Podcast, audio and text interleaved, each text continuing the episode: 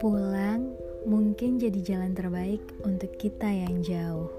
Pulang kepada takdir, pulang kepada sukses, atau pulang kepada rumah. Sudah jauh kita pergi, tapi masih panjang jalan yang harus kita tempuh.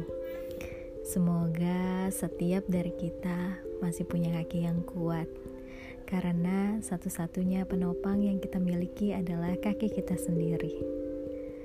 Keresahan yang disimpan diam-diam akan terus menjadi keresahan, hilang, kemudian datang lagi, sebab hanya disimpan, tidak diselesaikan.